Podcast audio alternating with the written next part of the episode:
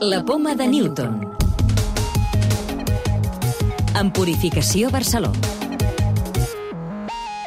Un kit d'anàlisi permet diagnosticar l'existència de bacteris resistents en una infecció. Serà el tema central del nostre programa d'aquesta setmana, en el qual també descobrirem una nova estratègia d'intel·ligència artificial per millorar l'atenció a malalts crítics i una recerca per avançar en regeneració d'òrgans. Investigadors de l'Institut de Microelectrònica de Barcelona, SACIC, han desenvolupat un kit capaç de detectar bacteris resistents als antibiòtics. De moment, es fa servir en medicina veterinària, però en el futur es podria aplicar en humans. Actualment, davant d'una mastitis bovina, el ramader administra un antibiòtic genèric, però si no funciona, poden passar diversos dies fins que es troba el tractament adequat i això provoca importants pèrdues i risc de complicacions. El kit permet un tractament ràpid ràpid, evita riscos i disminueix els costos de la teràpia. Antoni Baldi és l'investigador de l'Institut de Microelectrònica de Barcelona, SACIC.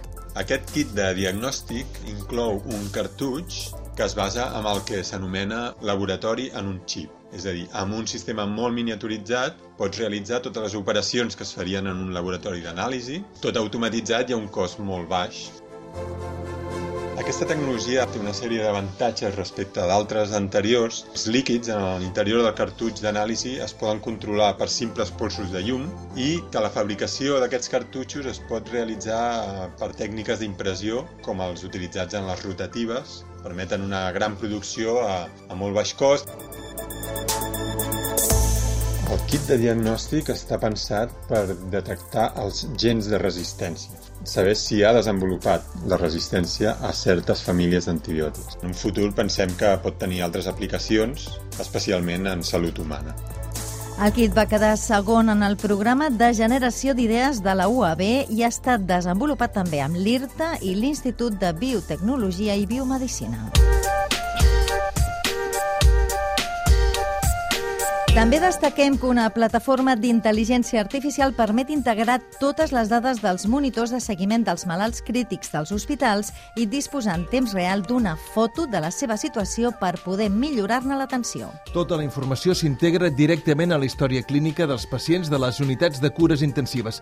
El responsable del projecte és Lluís Blanc, director d'innovació de l'Hospital Parc Taulí de Sabadell. El que fa és qualsevol d'aquests monitors i ventiladors, tota la informació que tenen està a dins de la plataforma, per tant, podem extreure informació d'aquesta globalitat, es pot magatzemar, això també es pot veure online i es poden donar alertes a les persones que estan cuidant en aquests malalts. Un grup de recerca liderat per l'Institut de Bioenginyeria de Catalunya, IBEC, ha descobert com funciona la regeneració del cor del peix zebra i ha vist que aquest procés es fa gràcies a cèl·lules que tenen dos nuclis. L'objectiu de la investigació és descobrir com funciona aquest mecanisme per intentar aplicar-lo en el futur a la regeneració d'òrgans humans. Xavier Trapat és el director de la recerca si descobríssim concretament els mecanismes moleculars que permeten que, que aquest procés eh, funcioni, doncs eventualment el podríem controlar i, per tant, eliminar-lo en càncer i afavorir-lo en la regeneració del cor. I investigadors de l'Institut de Ciències Fotòniques ICFO han aconseguit evitar infeccions en implants quirúrgics gràcies a l'ús de la llum i de partícules microscòpiques. La investigació tenia com a objectiu frenar les infeccions que sovint es produeixen en les malles quirúrgiques que s'implanten en algunes cirurgies. Els investigadors de l'ICFO han han dissenyat unes malles especials recobertes amb nanopartícules d'or. Quan s'aplica la llum a la zona, les partícules s'escalfen i maten els microbis. La majoria dels microbis moren i els que aconsegueixen sobreviure passen a ser sensibles als tractaments antibiòtics. Investigadors de la NASA han demostrat per primera vegada la presència de vapor d'aigua a la superfície del satèl·lit Europa de Júpiter. Això avala encara més la possibilitat que hi hagi aigua líquida sota la seva superfície gelada. Els investigadors ja sospitaven que els geysers que es formen al satèl·lit eren vapor d'aigua, però fins ara no havien aconseguit mai analitzar les molècules d'aquestes columnes de vapor per confirmar que es tracta efectivament de molècules d'aigua. Els mesuraments han estat possibles gràcies a observacions i anàlisis des d'un dels telescopis més grans del món situat a Hawaii. La clau de volta.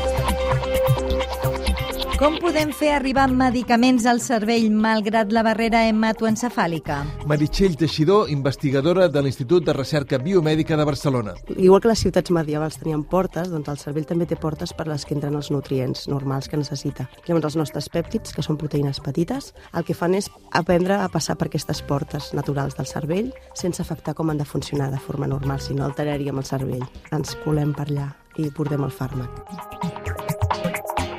Recordeu que ja podeu descarregar-vos el podcast de la Poma de Newton o subscriure-us al programa per rebre'l directament als vostres dispositius.